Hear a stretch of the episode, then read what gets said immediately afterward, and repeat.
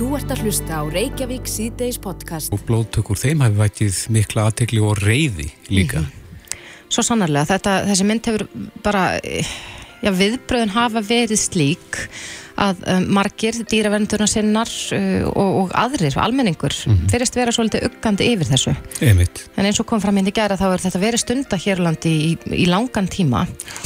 Og, en ég rakst á frettirna á Ríkisútvarpinu áðan þar sem segir að starfsemi fimm hrossabænda sem stunduði blóttöku úr merum hefur á undanförðum árum verið stöðvuð og þeir hafa ekki fengið leiði til að hefja starfsemi að nýju. Þetta kemur fram um, hjá matalstofnu.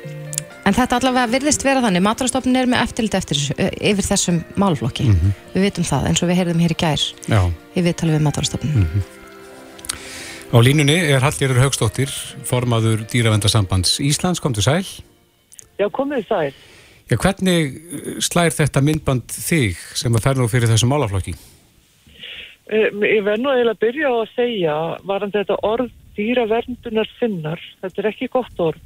Mm -hmm. uh, við skulum bara ganga út frá því að almenningur allur sé hlindur því að það sé farið vel með dýr, það sé ekki einhver sérstakur hópur fólk. Einmitt. Mm -hmm. En það er það okkar reynsla, almenningur lætur sér varða velferð dýra og er ekkert sérstakt fyrir það. Það er frekar að það er sérstakt að fólk látur sér ekki varða velferð dýra. Mm -hmm. Og þetta er svolítið smættandi orð þegar þetta er tekið út fyrir sig. Þannig ég vil bara, bara benda á það, byrja á því. Já, halda þessu til laga. Að, já, þetta sem við horfum á þarna er auðvitað algjörlega óþólandi. Og það fór, hefur eitthvað verulega mikið farið úrskeiðist þegar þetta bara ef svona gerist. Bæðið barsmiðarnar á risonum og svo meðferðin þannig tökubás þar sem maður er haldið áfram að, að vinna við hrissu sem maður reynilega ræður enga vega aðstæður. Mm -hmm. Og það er hérna í mínum huga alveg ljóst að þarna brást sagt, innra eftirlit hjá fyrirtækinu sem að, sem að uh, ég komst nú yfir texta hérna sem að uh, í þjónustu samlingu á milli þess að dýralækna sem taka þetta að sér og, og ístaka og þetta er sem sagt verktakasamningar og þar kemur skipt fram að dýrlæsnarnir eiga að stöðva illa með þess að dýrlæsnir er sagt hreint út og eiga að hérna, komið vekk fyrir harndræðu annars skipt. Þannig að þarna brást dýrlæsnin algjörlega í þessum tilvægum og það verður bara að taka það eitthvað borðið og, og þess heldur vegna þess að við gerum auknar kröfu til dýrlækna alveg sem við gerum auknar kröfun til lækna sem að sérhafa því að líkna og, og lækna. En sögum við vilja banna þessa starf sem bara alfarið, hver er þín skoðan á því? Er, er þetta í lægi innan marka? Sko þetta er, fólki finnst ógeðfælt til þess blóðið er notað og það er skiljanlegt að fólki finnst það. Þetta er ekki svona hefðbundin búfjárframleista sem er verið að framlega mat eða matvæli, heldur er verið að búa til lifur þessu. Þannig að það, fólki eru uppsegað við þetta út af því. Hins vegar er tilvera hristana við eðlilegar aðstæður, þar sem er farið eðlilega að þeim er ekkert svo slæm og sérstaklega ekki ef við miðum við ímislegt annar búfið sem er haldið. Og það hefur slegið með dálitið í þessu moldveri sem að myndast alltaf einhver moldveri um, í svona málum sem er eðlileg að það sama fólk sem er mjög reykt yfir þessu það getur samt farið út í búð og keift í kjúkling af hérna, beinbrotnum fugglum og sem að eiga slæma daga aðra daga. Mm -hmm. þannig að við þurfum aldrei að skoða þetta líka svolítið heilstækt Ég er persónulega þeirra skoðunar að margar af þeim hrissu sem að enda þarna, þetta eru hrissu sem að ég vil hafa, hefur misfarið með tamninga á, hefur gengið fram á og farið illa með og hefðu endað í sláturhústiði en það hefur ekki farið þarna. Þannig að persónulega fyrst með skárraðar er fá að lifa, heldur en ekki.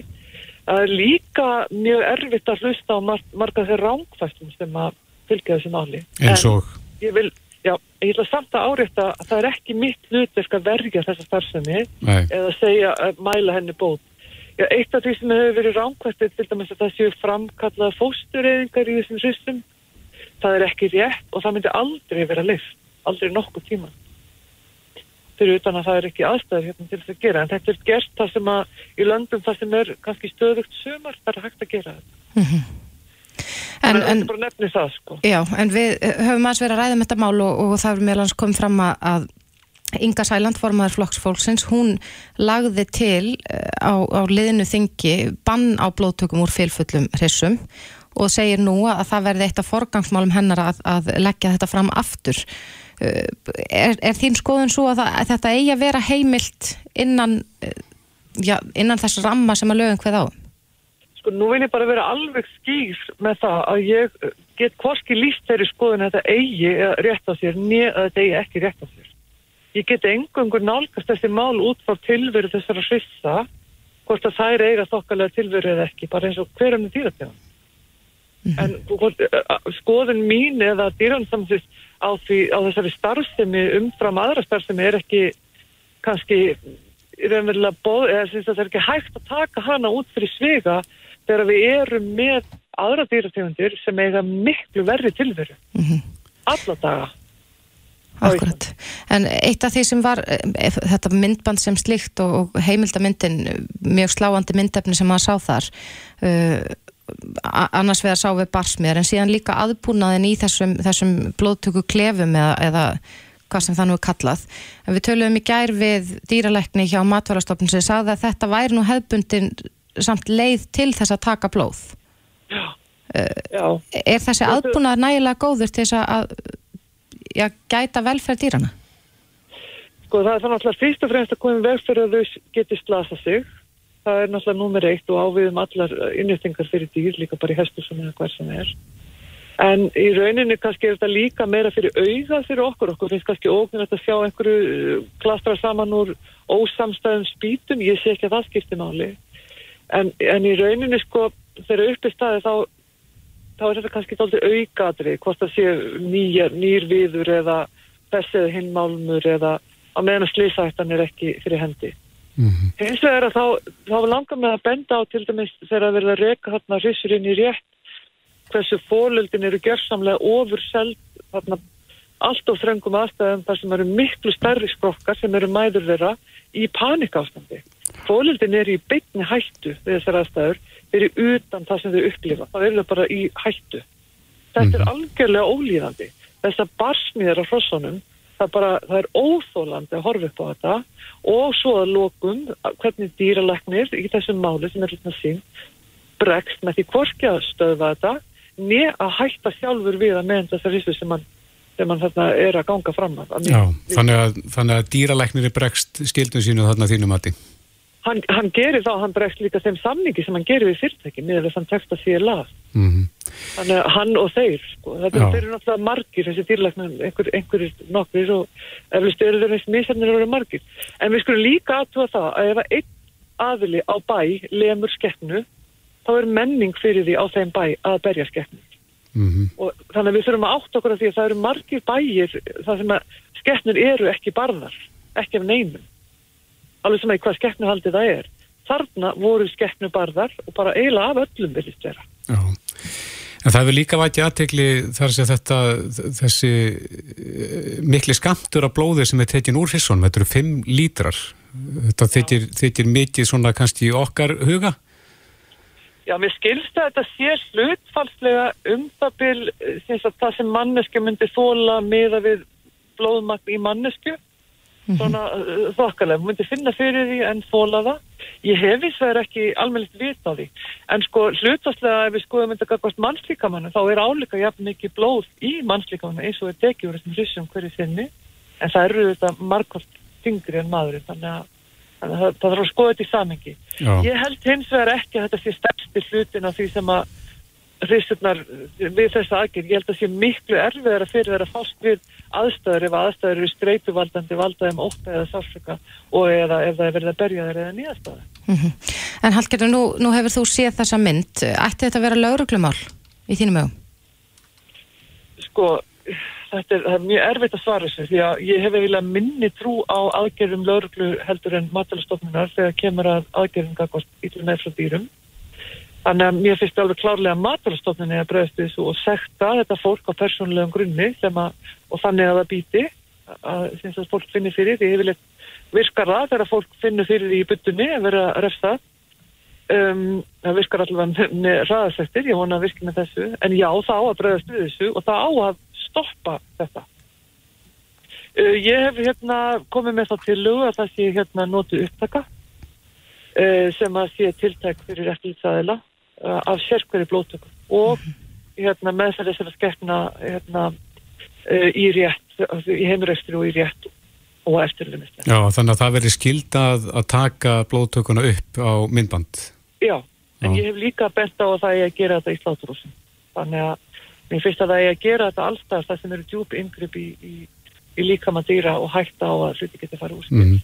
og mér finnst að almenningur er líka bara að geta kynnt sér þetta og séð þetta bæði það sem að eh, þetta sem þetta slæma sem við erum að horfa þarna á. Við veitum að þetta kvikmynda fólk það leitaði eftir sérstökum bæjum vegna það hafði frekmynda því að það hafði sangað eitthvað að sækja. Það kemur fram í þessu myndbandu að leituði sérstaklega í einhverja bæji Uh, það er náttúrulega kannski minni ástæði til að leita eftir myndefni á bæjum það sem er ekkert enga vonda fréttir þannig að maður skilur það svo sem en, en í rauninni þá almenningur finnst mér að fá að sjá og ég sakna það þessi myndbandi frá Ísleika sem er náttúrulega að kynna þetta við fengum ekki að sjá sjálf á blóttökunum Nei, ég vil sjá hana, einmitt. Hefur þú verið viðstödd svona blóðtöku? já, ég hef verið það nokkur sinni, Og uh, hvað, hvað, hvað sástu þar? ég ekkert í líkingu við þetta sko, Nei. ekki, ekki svona og ég hefði bara aldrei nokkur tíma staðið kjur og þegjandi og horta það Og þú var sá, sáttið við það?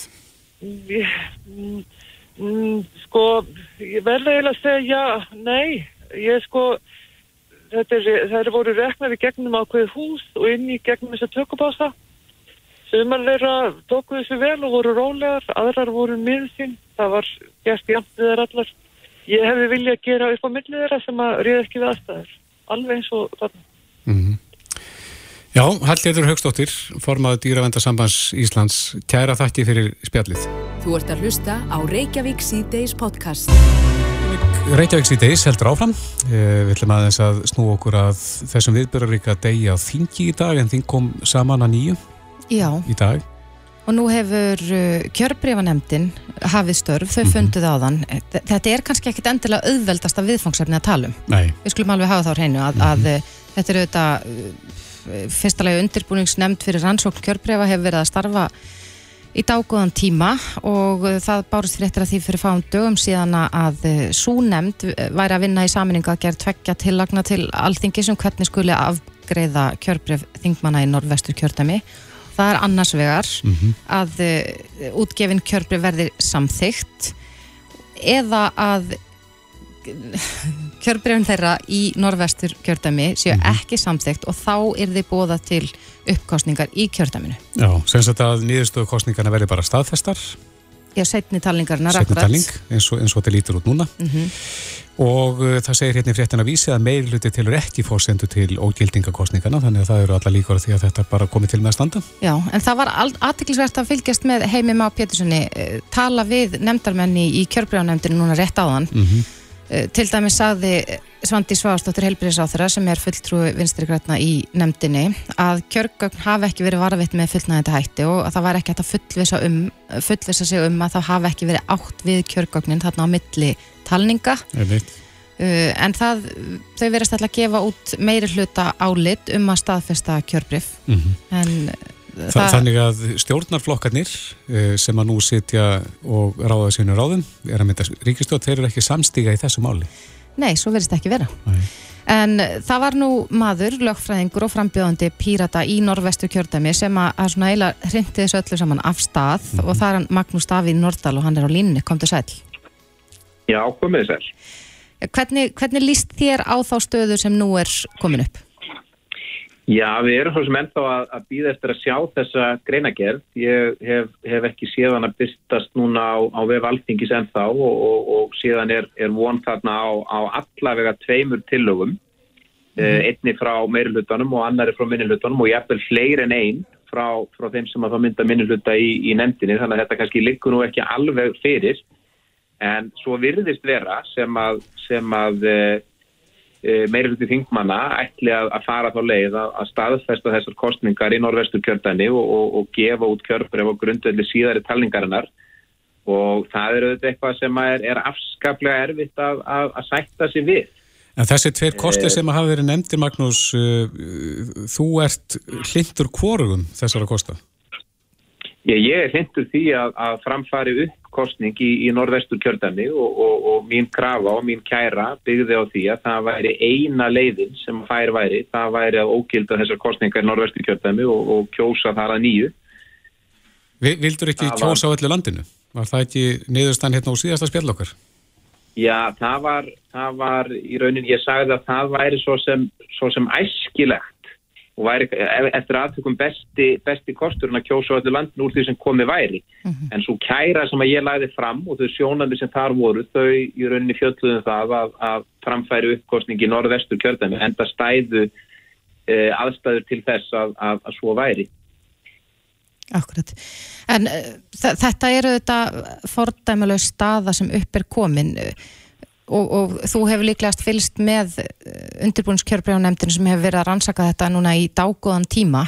Uh, kemur það þeirra óvart að það skuli vera nýðust að meirhlutans að, já, að setni talningin skuli standa? Ég meðist það svolítið sérkjænlegt að, að, að leggja fram svona tvær tillögur. Nú, nú náttúrulega hefur nefndin haft þetta, þetta langan tíma að fara yfir málið og, og, og gögg þess og, og, yfirgripsmikil rannsókn svo er einhvern veginn lagt upp með að við getum annarkort ógift kostningarnar eða, eða staðfestær.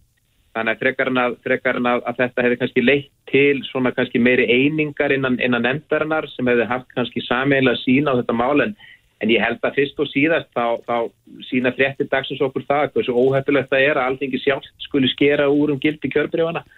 Það náttúrulega er, er kannski stóra málið í þessu að, að enginn er dómar í eigin sög. En hver væri betur til er, þess fallin, Magnús? Já, það væri til dæmis eðlulega ef, ef við hefðum geta kært þessar kostningar beinti domstóla í staðin fyrir að, að, að kæra þetta til alltingis. Mm -hmm. og ef að, ef að nýja stjórnarskráin hefði verið samtitt á sínu tíma þá var sérstaklega gett að ráðfyrði í henni að, hérna, það væri hægt að fara með þessi mál fyrir domstóla þannig að einhver utan að komandi aðili dæmi í málinu en ekki e, þeirra aðila sem að náðu kjöri það er mjög óverlegt að þeir séu að, að úrskurðum þetta sjálfur, það er allavega mitt álit Gæti þetta verið mál fyrir umbásmann alþengis að kljástu þið? Ég held að það muni gerast í kjölfæri á þessu ef, ef að þessar kostningar standa og breyta þá endar þetta mál hjá mannið þetta tónstóli Evrópu.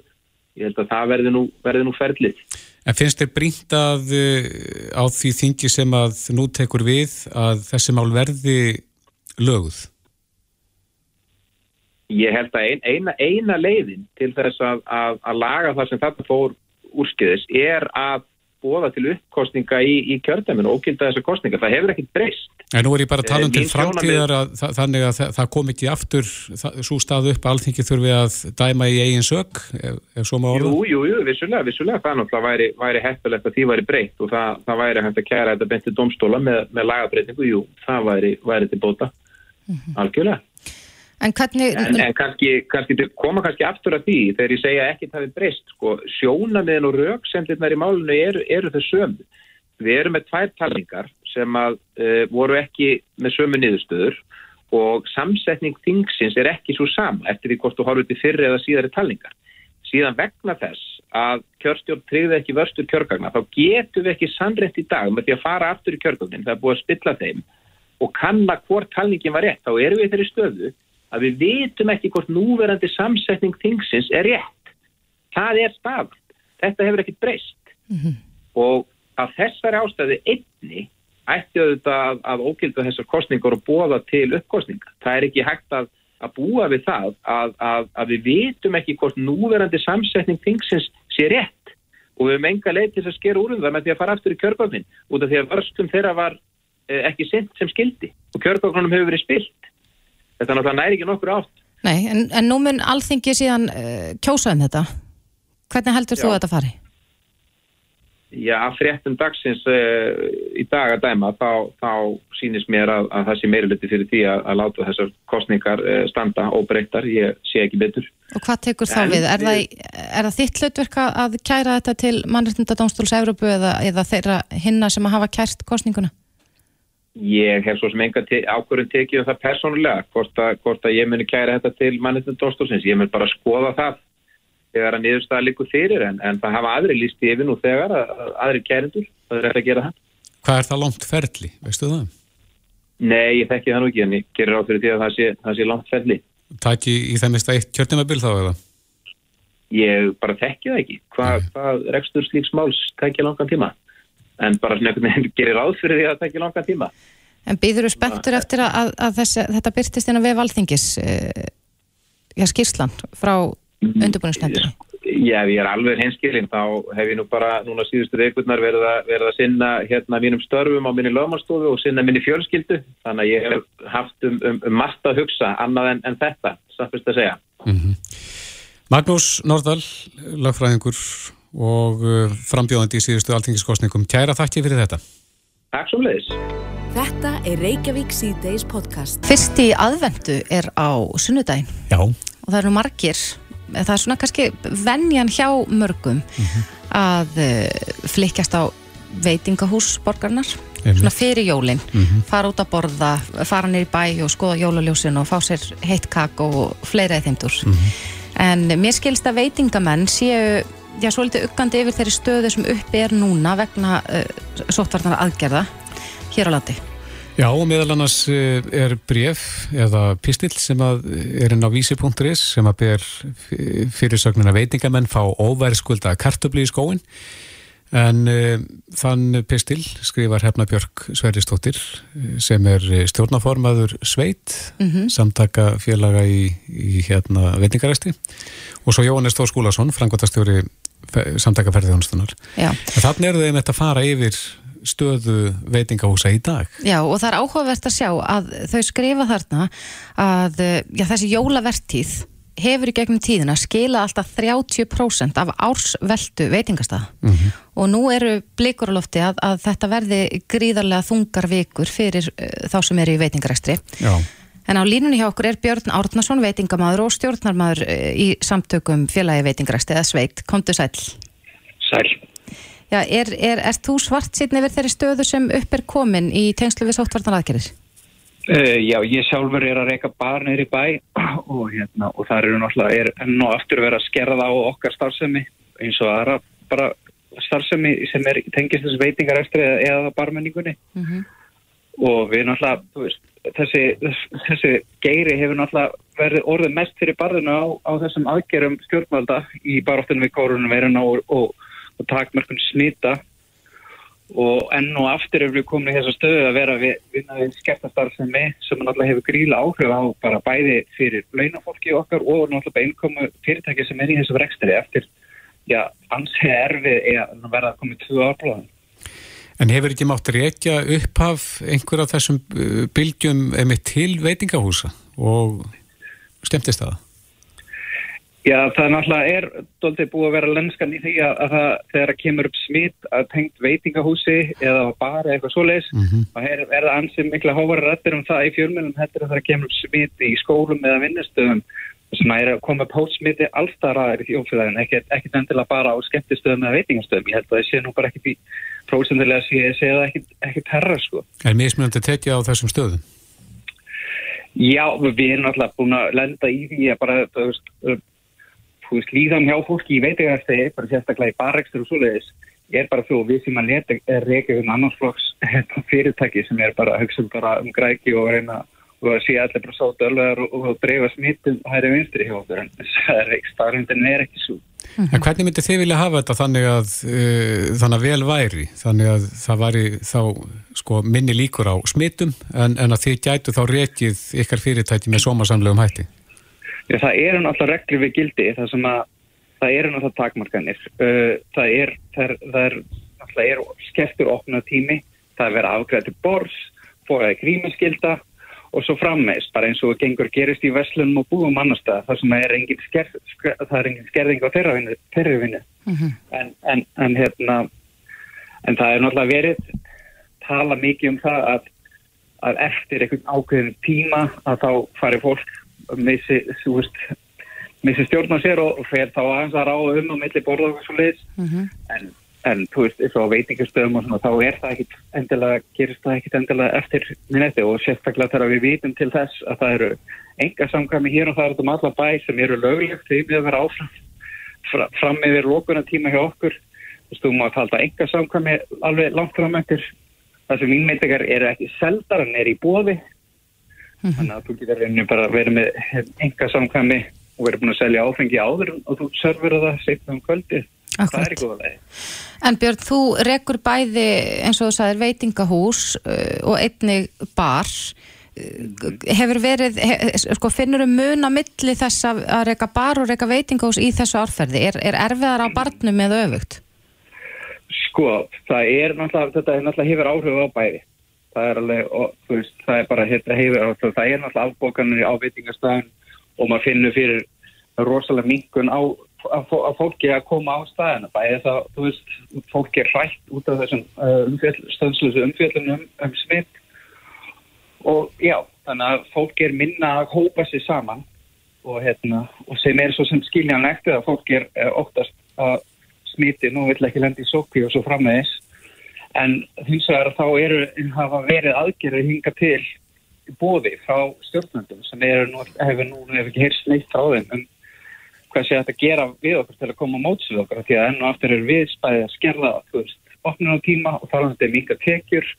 Það er bæði minga, þú veist, þá hérna skerðast vaktinu því á starfsfólkinu okkar þannig að það er leðandi fór þeim inn í laun og svo frammeðis, þannig að þetta, er, þetta hefur áhrif á svo margt, þetta hefur ekki bara áhrif á á þá sem er í veitingarekstu, þetta er líka starfsfólki Er þetta aðalega hópar sem er að afbóða komusinu þá til ykkar? Já. Starfsmannahópar og slíkt? Já mm -hmm. og maður heyrir þetta bara þú veist því sem í, í greinni að það er, er ábókanir er, er, er byrjar að rannast inn sko, bara því að fólk vil ekki vera, vera með eitthvað starfsmanna hýtinga og og, og, og koma upp smitt. Mm -hmm. En nú voru búin að vera í þessu ástandi núna í um tvö ár uh, hefur það verið tekið saman hversu margir staðir hafa einfallega ekki lífað ástandið af?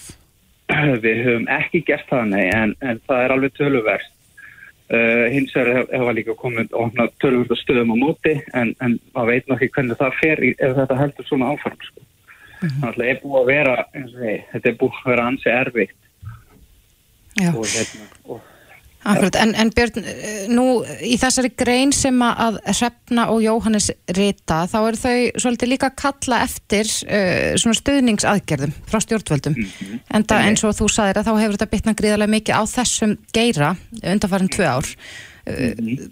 er, er þörf á því? Þurfiði meiri stuðning hreinlega til þess að halda, halda þessu gangandi?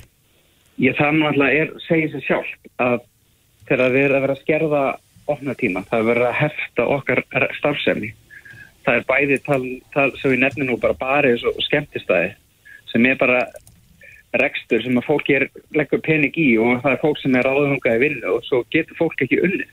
Uh -huh. það er búið að skerða vinnuntíma er að töluverkt, jáfnveil bara alveg. Og það er náttúrulega hefur rosa mikil áhrif að alla við út um allt þjóðfélag Já, við höfum heist frettir frá öðrum löndum til dæmis í Evrópu þar sem að já, eh, fólki veitingarekstri eða, eða eh, svona, já, veitingarekstri hefur verið reynilega að fara í mál við þarlend stjórnvöld út af sóttvarnaraðgerum. Hefur það eitthvað tíma verið til umræði hjá ykkur? Já, það er eitt, eitt mál er nú þegar í, í gangi þar sem að staður, einn ákveðin staður fór í mál við uh, brot á hérna jafnræðisreglu þegar í fyrra þegar krár og skemmtistæðar mátt ekki um óknar með sömu takmarkanir og veitingastæðir og hótelbar og svo, svo framvegs mm -hmm. þannig að það, ég veit nú ekki nákvæmlagstuðin á því máli en ég veit að það er búið að taka það upp. Þannig að það er bara formundlega að fylgjast með því. Já, en það er líka til umræðu og hefur verið núna týðkað eh, viða ellendis að, að meina óbólusettum aðgangað að ymsum veitingahúsum Mm. Hefur það komið til tals hjá ykkur eða hafið þið farið fram á það að það verði gerðu greinamunir þarna á bólusettum og bólusettum? Við höfum ekki farið fram á það en mann hefur heyrt af þessu bæði í Danmark og fleiri löndum að það er þessi svo kallaði koronapassi mm. og það er engar skertar þó smitin hafa farið upp og við það er ekki skert starfseminn það er ennþá allt opið Myndu þið vilja hafa, hafa það svoleiðist þá að, að bólusettir getur þá komið til ykkar án hindranna? Sko, þá vil alls ekki fara í hverja manngreiningar, þú veist, það er einsar ástæði, ástæði fyrir hver fólk fer í bólusetni og hvort það fer ekki, en, en hérna en þú veist, allt þess að hjálpa rekstinum og, og það er að leiðandi fyrirtækjanum að fá einn tekjur og, og launa fólkinu að fá laun fyrir vinnu sína. Akkurat. Og meðan þessu stendur. Er, er þið bjart sín á að, nú er þingt að koma saman í, í fyrsta sinni í dag síðan í um miðan júni, er þið bjart sín á að, að stjórnvöld muni já, leggja ykkur lið? Ég vona það allavega, þeir hafa gert að hinga til þannig að okkur finnst þeim eitt skrítið þögnin frá því að þess aðgjöru tilkynnta fyrir að vera tveim vikum að það hefur ekkert heist neitt um neina aðgerður. Þannig að við vonum að það hljóta hlítur og vonum, við vonum minnilega að það kom nú eitthvað frá þeim. Sérstaklega við erum að óska eftir þeim. Einmitt. Björn Árnason, Já. stjórnarnaður í samtökum fyrirtækja í veitingarekstri, kæra þætti fyrir spjallið Takk og gangi ykkur vel. Takk. Reykjavík síðdeis á Bilginni podcast. Undanfarnar daga hefur uh, já, tölvöld mikið verið rætt um það hvort að skilda eitt fólk í bólusetningar Já, og einnig hvort að, að já, atvinnureikandum ætti að vera heimilt að, að segja fólk upp störfum ef að, að það hefur ákveð að þykja ekki bólusetningu af öðrum ástæðum en læknisfræðilegum. einmitt. Þannig að þetta hefur verið umræða sem hefur verið að eiga sér stað. Kári Stefánsson, forstjóri íslenskra erðagreiningar, já, hann sagði að uh, það væri réttlætanlegt að skilda fólk í uh, bólusetningu. En það er ekki allir á þeirri skoðun. Nei, og svo er það náttúrulega þessi umræðan um það hvort að ég að umbuna þeim sem að eru bólusettir nú eða setja einhverja kröfur uh, og útýsa þeim sem eru óbólusettir. Mm Þetta fer svona eftir hvernig með norða þetta en Arnáð Þór Jónsson, lögmaður, samtakana Frels og Ábyrð, hefur nú látið hafa eftir sér að þetta verði mónitorað eða það verði fylst vel með þessu, hvernig þetta, þessu framvindur, ertu velkominn? Takk fyrir. Já, það þarf að fylgjast vel með þessu vegna þess að hérna, það eru þetta ekki líðandi í samfélagi sem vil kenna sig við frjálslindi og, og virðingu fyrir mannréttindum að séu dreignar upp skrumskjaldar myndir af stórum þjóðfélagshópum og alið á fordómum í þeirra garð. Þannig að það er bara sjálfsagt að menn auðvitað bara fylgist vel með þessari þróun og uh, verji réttindi sín, sín réttindi og samborgara sinna því að að það geta verið fjöldamarkar ástæði fyrir því að fólk kýs ekki að bólusita sig. Við skulum muna það að stór hluti óbólusettra eru börn og stór hluti kýs að gera þetta ekki af einhverjum heilsufars ástæðum. Fólk getur hafa greinst með blóttappa og, og vera veikt fyrir eða jafnvel hafa fengið, við skulum líka muna það, fengið ofnæmisviðbröð eða aukaverkanir eftir fyrstu eða aðra sprötu. Þannig að eftir að ákveðin tími er liðin að þá er þetta fólk þá telst það óbólusett líka, ég vil þó að það fengi tværsprötur eða neytar að fá þriðsprötuna. Þannig að hvar endar þetta? Og hversu lengi viljum við sem þá borgarar vera á ringegju hérna sprötu sagt, eða livjafyrirtækjana?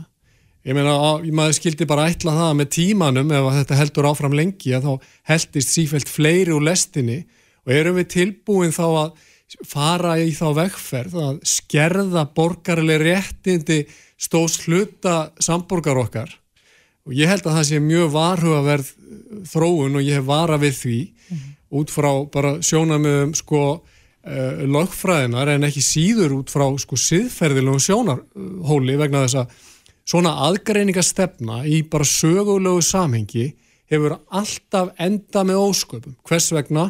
Vegna þess að hún elur á misskiptingu, reyði, fordómum, aðgreiningu og í rauninni bara ófriði til lengri tíma litið. En, en hvernig metur þú þá stöðuna í öðrum löndum í kringum okkur? Við erum að sjá það víða verið að skilda fólki bólusetningar mér skilst það til dæmis í Austuríki þar sem er núna útgöngu banna að það verði allir skildaðir í bólusetningu fyrir fyrsta februar næstkomandi. Já, það er að það er að það eru sko að rannast upp óveðurski fasisma á meilandi Evrópu og ég hef ákveðin upp í brjóstika hvert þessu hér því að mér sýnist nú svona í sögulegu og lagalegu pólitísku samhengi fylgjum við nú oft í kjölfarið á því sem þarna gerist. Ég meina staðan er svo í Hollandi er verið að skjóta fólk, ég meina fólk dóða þarna bara í skot eftir að hafa verið fengið þess að bissukúlur á sig frá lauruglunni núna fyrir hvað, tveimur, þreimur dögum. Í óerðum. Já, í, í mótmælum. Ég meina við skulum ekki gefa okkur að þetta allt verið einhverju brjálæðingar sem er að mótmæla. Þarna inn á milli og sjálfsagt ég vil meina meiri hluti fólk sem að þarna er í mótmælum eru bara verja í rauninni borgarlegt samfélag og mótmæla þeirri þróun sem við sjáum er að eiga sér stað hér yfir þessi tæpu tvö ár sem eru liðin. Ef ég hefði sagt við ykkur hérna í november 2019 að við erum í þeirri stöðu sem við erum í í dag á Íslandi varðandi bara, já, bara það sem við erum að sjá gera, þá hefðu við ekki trúað mér. Ef við höldum áfram á sömu braut og tvö ár líða hérna ifrá, þá má bara, getum við ímyndað okkur við erum stödd. Ég meina það, ég las í, í gær eða dag, frétti frá Ástralju, það er bara verið að reysa fangabúðir og það er verið að vísa til þeirra sem eru óbólusettra bólusettir sem holdsveiki sjúklinga nútímas að vera einágraða fólk frá mannlegu samfélagi. Taka úr umferð og, og, og, og fyrir ekki bara bætaði við að það er verið að meina fólki á Ítalíu að stunda sína vinnu sem er ekki búið að láta bólusetja sig. Það er rauninni búið að verið að gera þetta refsivert að vera óbólusettur í Austuríki og við þurfum að svara sko mjög alvarlegum spurningum um hvert við viljum stefna. En telur þú ekki að bólusetningar hafi bætt ástandið?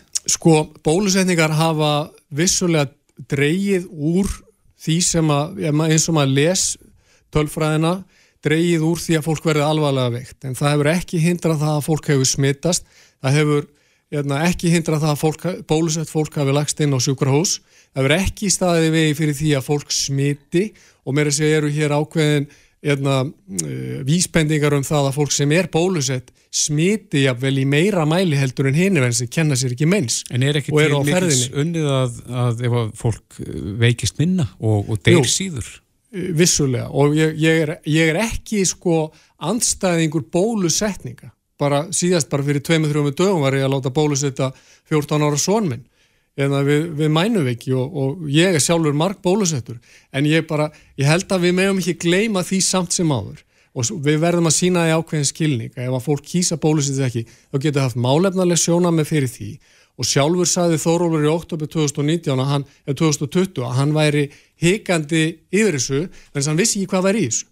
Og við vitum það að þessi lif sko endarlegar eða svona rannsóknum á þessu líkur ekki fyrir 2023 mm -hmm. þannig að það er ekkit óeðlitt við það þó að Ímsi segir bara ég, ég læt bara spröyta mig þegar það er niðurstöðuleikja fyrir En Þórulur, það er nú liðið meirinn ár síðan að uh, þessi umhverju voru uh, sögð Já. hann sagði þetta og það, það hefur margt vatn uh, runnið til sjávar síðan þá Og hann voru full bólusettur Já, bara fínt, en hvenar erum við full bólusett? Ég meina, er það eftir aðra eða eftir þriðju eða verður eftir fjörðu? Ég meina, hvað líður? Við erum ekki eftir 14 daga frá annari spröytu sem sagt erum við loks þá full bólusett og hvað líða margi mánuði frá því að við höfum fengið þriðisbrötu mm -hmm. þar til við teljumst aftur óbólusett mm -hmm. ég meina sko, sko ég, eitt bara sem að ég hvet hlustendur til að íhuga mjög vandlega sko er þetta, er þetta skipti sem að við teljum eðlilegi frjálsum samfélagi að við í rauninni framseljum ákveðin réttind okkar og frelsi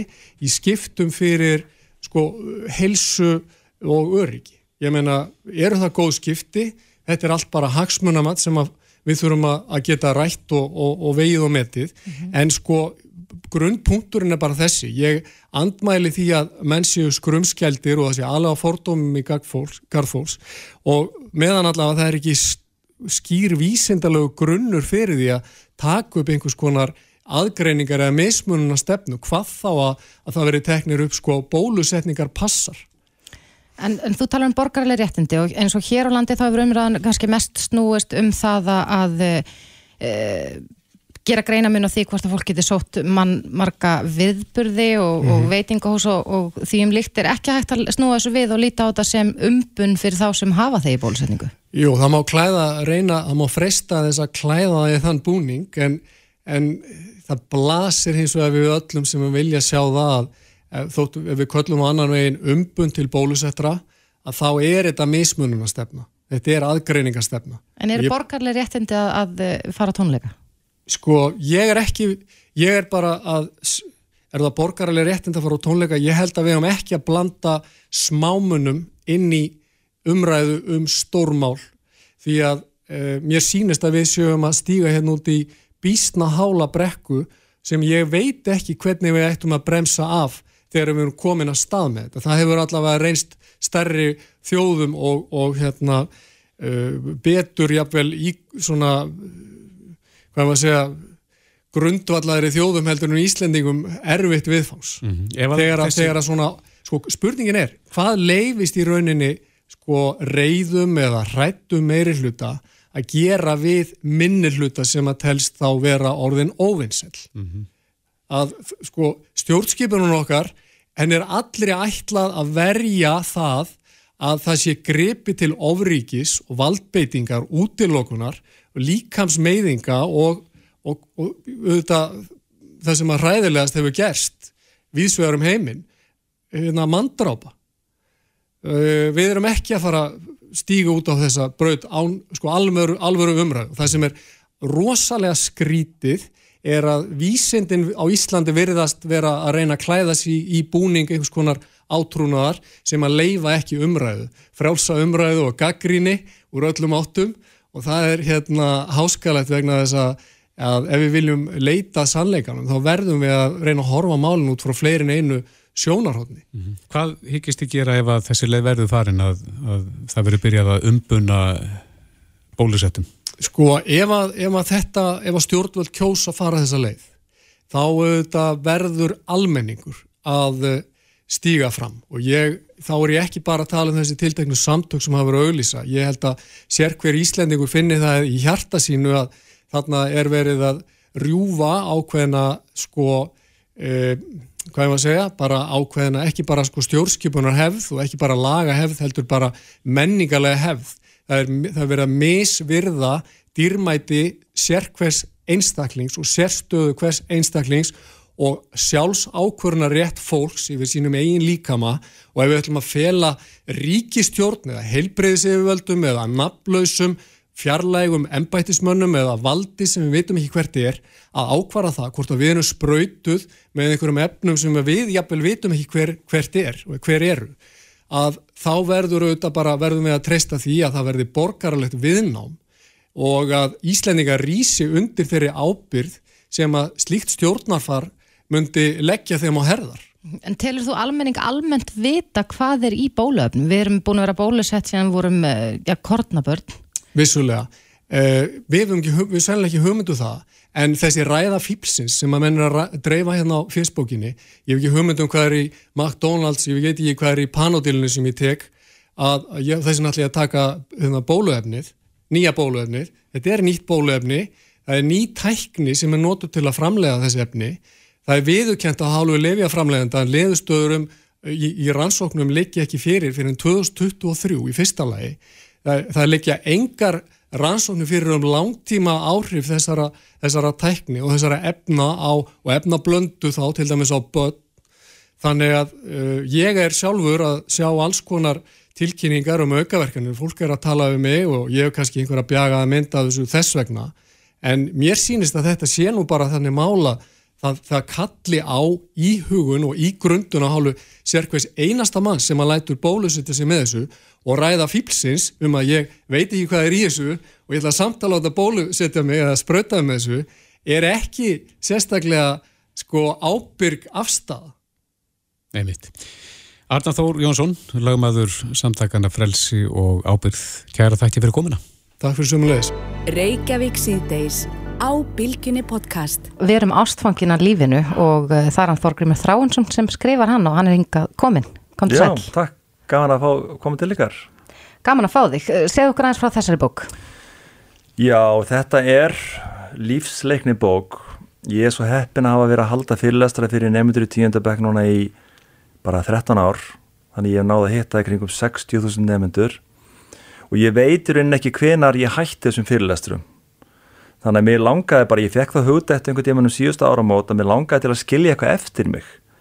Þannig að bókin, ég ákvað bara að skrifa bók sem hefur að geima allt sem ég er búin að segja um ungt fólk í 13 ár. Þetta eru fyrirlestarnir þarna í eitthi bók. Fyrirlestarnir eru hér og ég veit ég get ekki sínt þetta í útarpu mm -hmm. en þetta er allt bara svona opna, opna, opna fallega í minnskreitt og ég segi bara fyrir mitt leiti að ég hefði búin að alveg þrjú börn sem er öll fullorðinn ég hefði viljað lesa svona bók þegar ég var fóreldri með unga krakka og mér finnst líka mjög gaman að börni mín tvö vilja taka þátt í þessu með mér ég segi alltaf sög af dóttu minni sem heitir Kolfina hún var að berja sig kvíða eins og margir krakkar á, á, á unglingsaldri mm -hmm.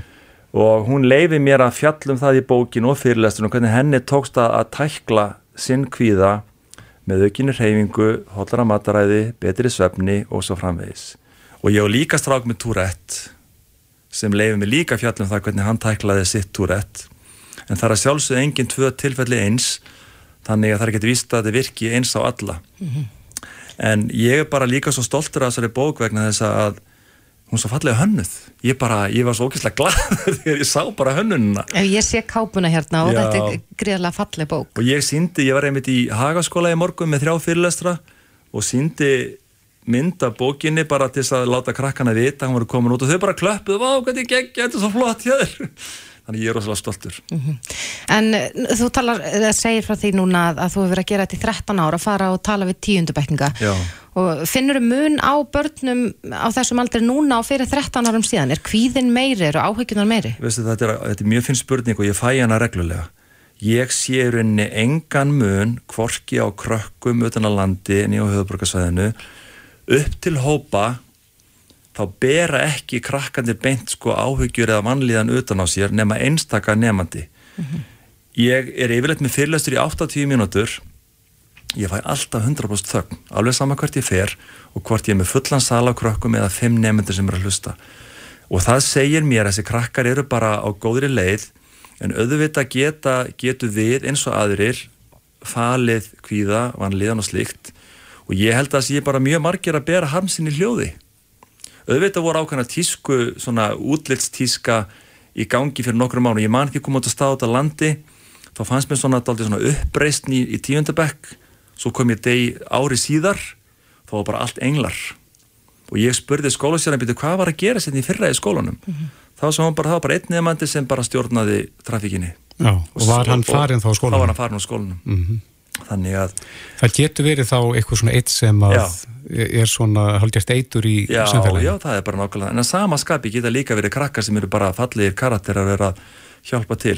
Og, og ég segi alltaf þess að krakka því ég tala við og eins og kemur fram í bókinni að það er ein leikil setning í bókinni og ef ég ætti að sína eina glæru engöngu í skólum og tala út frá henni þá var það setning frá Jim Carrey áhrifin sem þú hefur aðra þetta dýrmætasta sem til er En sko þetta hafa þetta góð. Já, ég alveg er að tala það vegna mm -hmm. þetta skiptir máli vegna hvernig erum við að koma fram hvert við annað? Hvern, mm -hmm. hvað erum við að skilja eftir?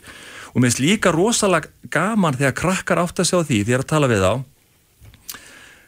það er svo margi sem haldaði fáið bara sjálfströst í jólagjöf eða bara góðar engunni í ammaliðskjöf þetta snýst allt um litlu hlutina dagstaglega og þegar maður bara hjálpar öðrum býr um rúmið sitt, vaskar upp uh, fer út með ruslið læra þó föttin sín, bara leggur sér fram, þá sapna sjálfströstuð upp og allt í hennum að koma náttúrulega stað í lífinu þar sem mann finnst maður geta gert allt mm -hmm. og sjálfströstið stjórnar velgengn okkar í lífinu Já.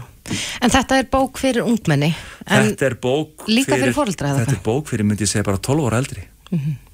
Ég sagði áðan ég myndi vilja hafa lesið þetta að ég var aðlöf mín börn og ég vissum það að þetta er eiginlega skildu lesning fyrir fóröldra þeir munu síðan láta krakkarnir sína að fá þessu bók mm -hmm. ég er að fjalla um heila starfsemina ég er að fjalla um mikilvægið seps alls konar hluti sem ég hafði ekki hugmyndum þegar ég var aðlöf mín börn mm -hmm.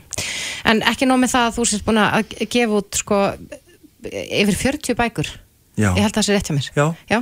þá ertu líka að kenna öðrum að skrifa bækur Já, svo er náttúrulega gleymið því að það kom út önnur bók um daginn eftir mig Já, við gleymum því sem heitir Tungli, tungli taktu mig og fyrir krakka Já. Og mér langaði til að bara vera með smá sveitaromantík að ég er alveg upp í sveit.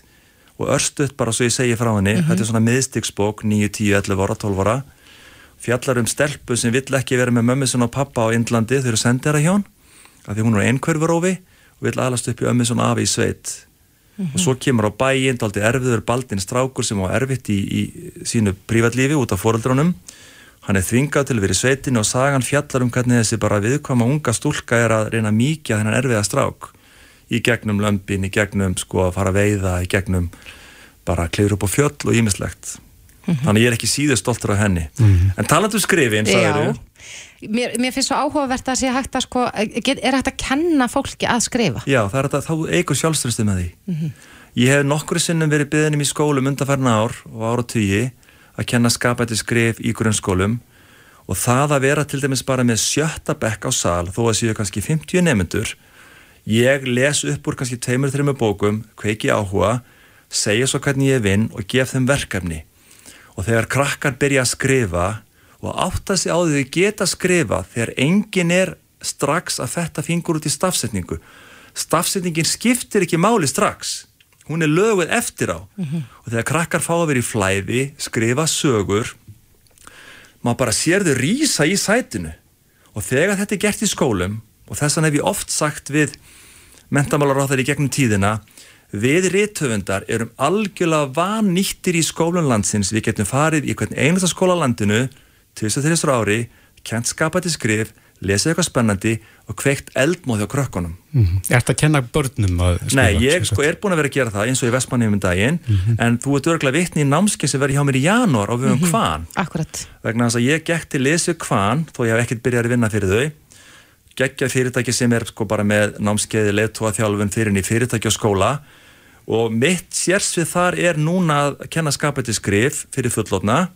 og það er sama, þetta eru kannski þrjú kvöld sem er þrýr klukkutímar og þá er, sín ég þeim ræðu með Þorvaldi Þorstinsinni, heitnum sem var með frábær ræða hvernig maður á að skrifa. Og ég er þá líka bara að tala um hvernig ég vinn, hvernig ég bý til personur, hvernig ég bý til hindranir spinnsögu þarf að halda lesundu við efnið. Og þegar fólk byrjar að skrifa þó að það náða bara minningagrein eða rósbreyf eða þakkabreyf þá aftur liftist það upp. Mm -hmm. við getum þetta öll ef við leggjum okkur fram. Þurfum bara smá leifinningu og kvartningu Við getum ekki sleftir eh, á þess að nefna við hlut. Við reynda áður við fórum í lofti að þá rættu við þetta eins Já. en það er þetta með Stellur Blomqvist hvað, hvað þetta loðir ofbóslega við þig. Já, ég er ekki með horkolluna ég er að vera skollóttur.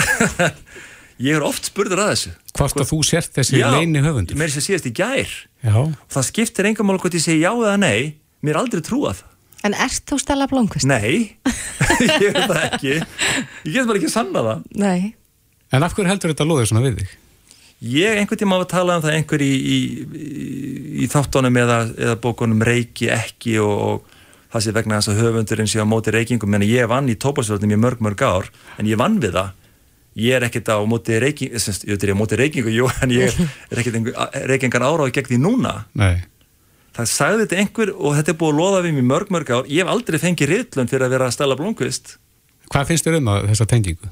Mér finnst þetta bara skemmtilegt. Já. allt svona döluföld er gaman. Veistu hver hún er? Nei, veit einhver hver hún er?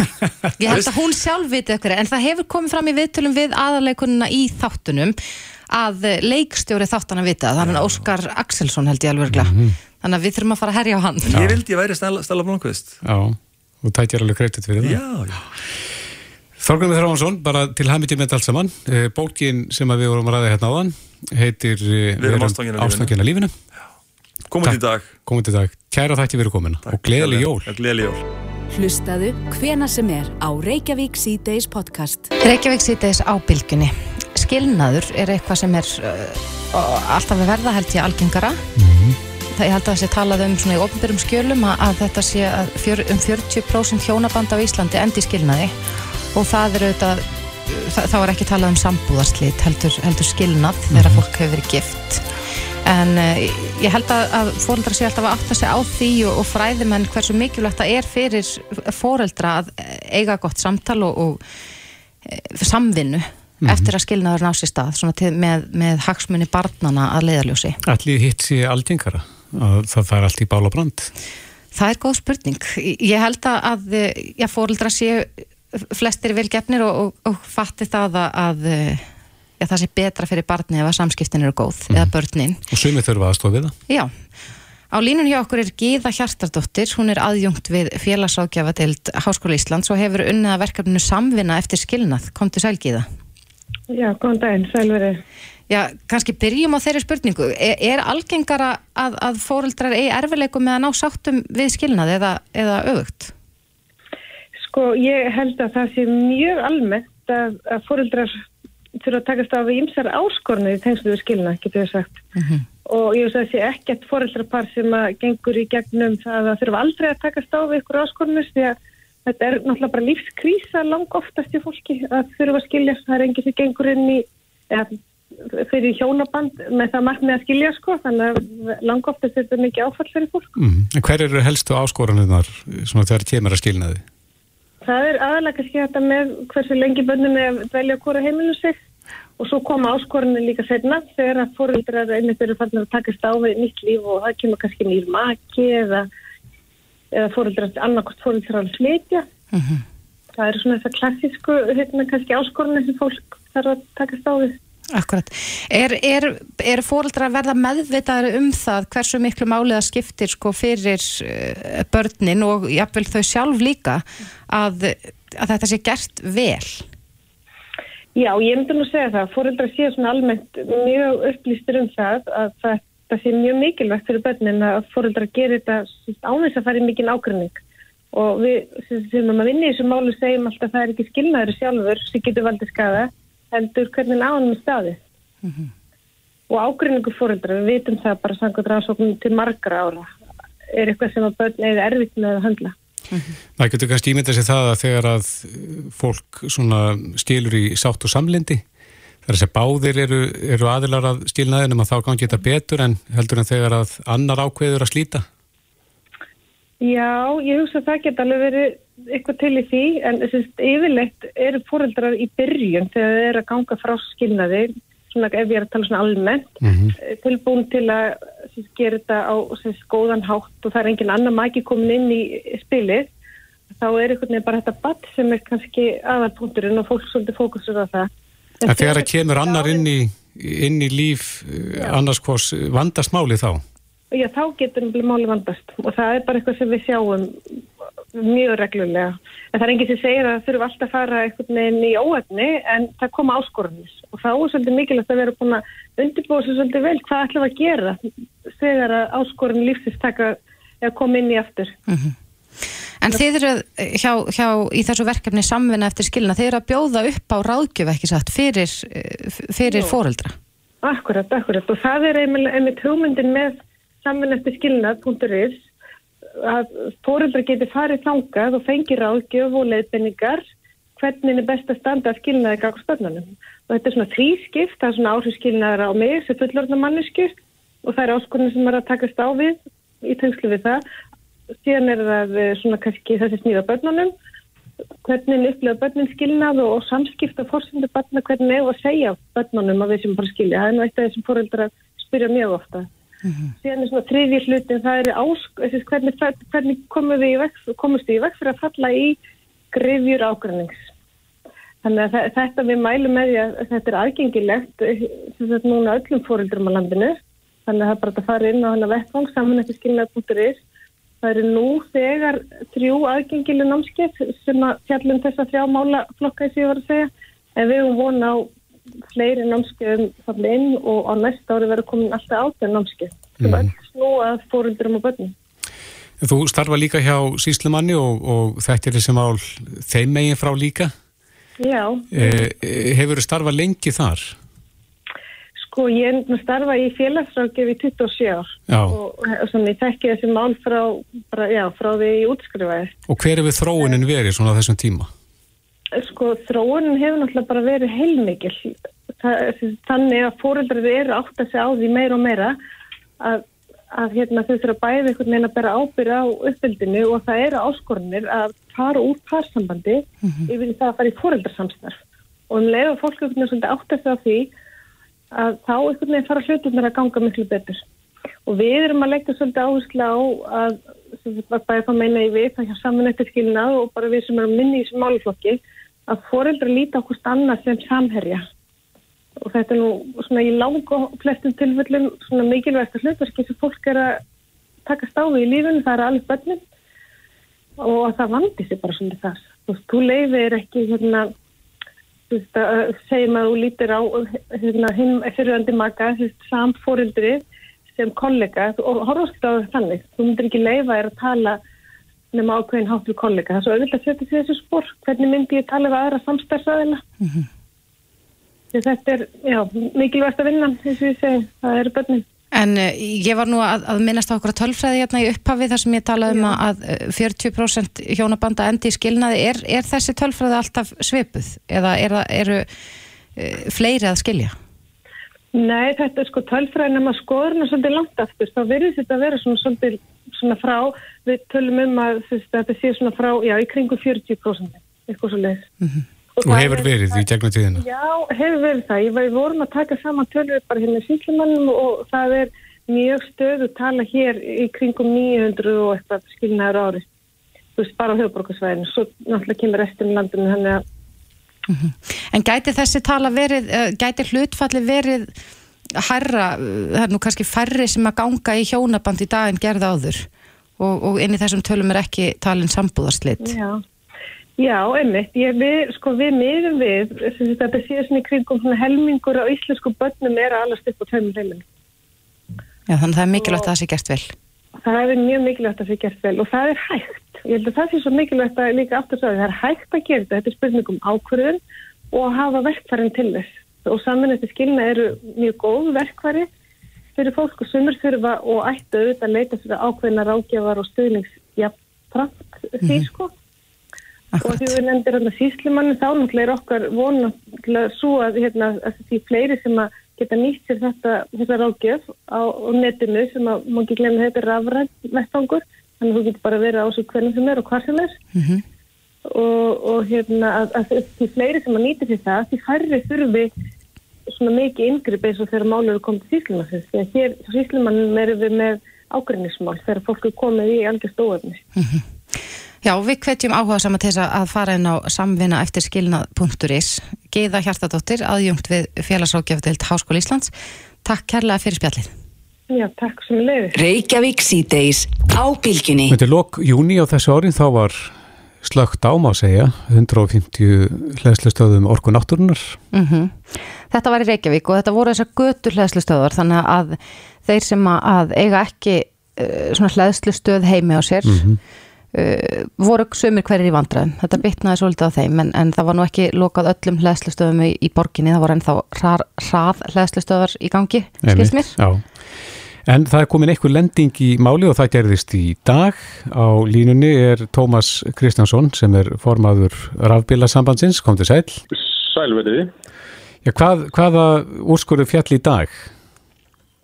Herði, þá var þess að uh, kærunemd útbósmála uh, gaf út hennan úrskur þarna í þarna snemma árinu um að, um að hérna, útbóð Reykjavíkuborgar á þessum hlæslistöðum hefði verið ólögmætur. Það hefði að fara fram útbóð á Efrasku efnarsvæðinu þannig að þetta var í raun og veru bara uh, hérna, allt sett í frost hjá þeim og það var slögt á stöðunum og og hérna við fórum að við tók tímabil þar sem að við tókum við þvílikum helling af, hérna kvörtunum og áhyggjum frá rafbílegjandum Mhm.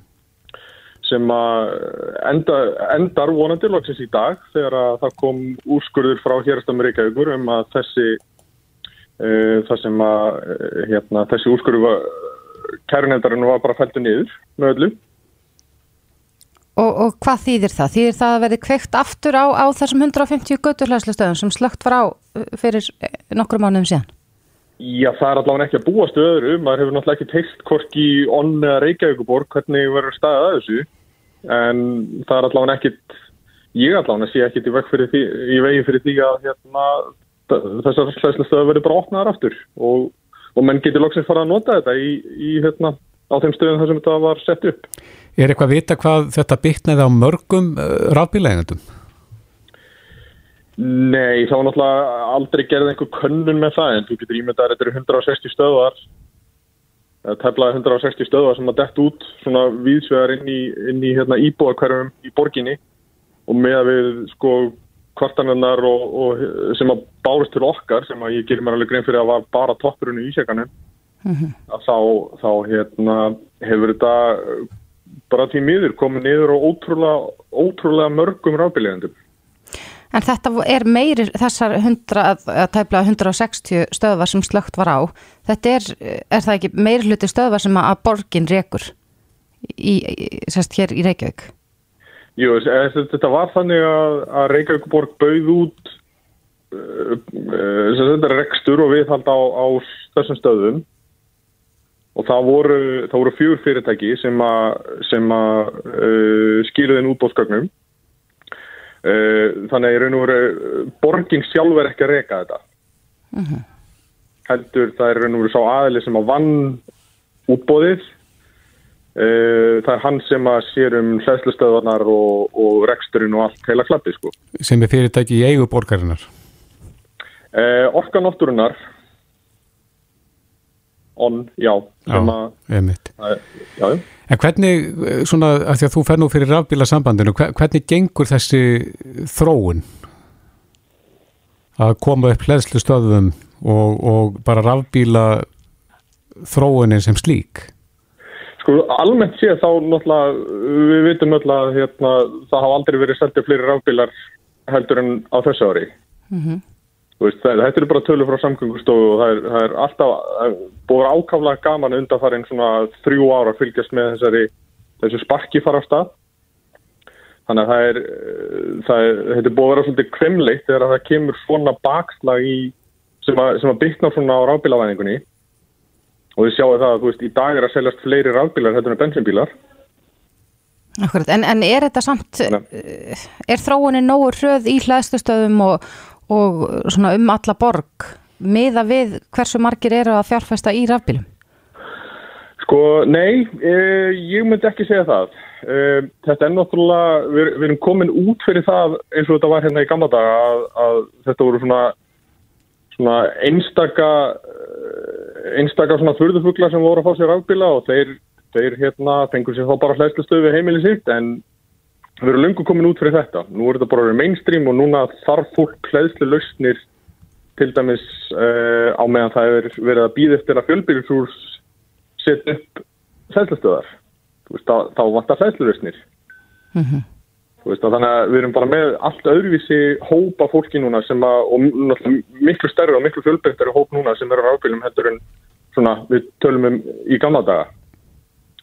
Þannig að, þannig að núna erum við í raun og veru komin á þann stað að það, það þarf að vera, það þarf að fjölga hlæðslustöðum miklu, miklu meira heldur en hefur verið. Þannig að, og, og þetta, e, þetta var svona ákveði högg á markaðin. Veist, þetta stoppaði þróunina. Reykjavíkuborg var ekkert að fara í, það, fara í einhver fleiri útbóð á, á fleiri stöðum á meðan allt var í mínus út af þessu máli. Mm -hmm. er, er þetta, veistu það, er þetta lokan hikkurinn á þessu máli? Nema einhver áfríi, en ég er búin að lesa yfir þessar 47 blaðsíður sem að dómurinn er og hann er mjög ítarlegur og ég, ég vona innilega að, að aðila þessa máls bara setja þetta núna í baksinspeilin og, og svona, svona hugsi frekar um hérna hagsmunni rafbílægjenda og, og, og svona rafbílavæðinguna. Einmitt. Og orkuskiptin? Orkuskiptin, já. Já, akkurat. Tómas Kristjánsson, formaður rafbíla sambansins, kæra þakki fyrir að leiða okkur eins í gegnum þetta. Ekki mál, takk fyrir. Bless, bless. Bless. Þetta er Reykjavík C-Days podcast.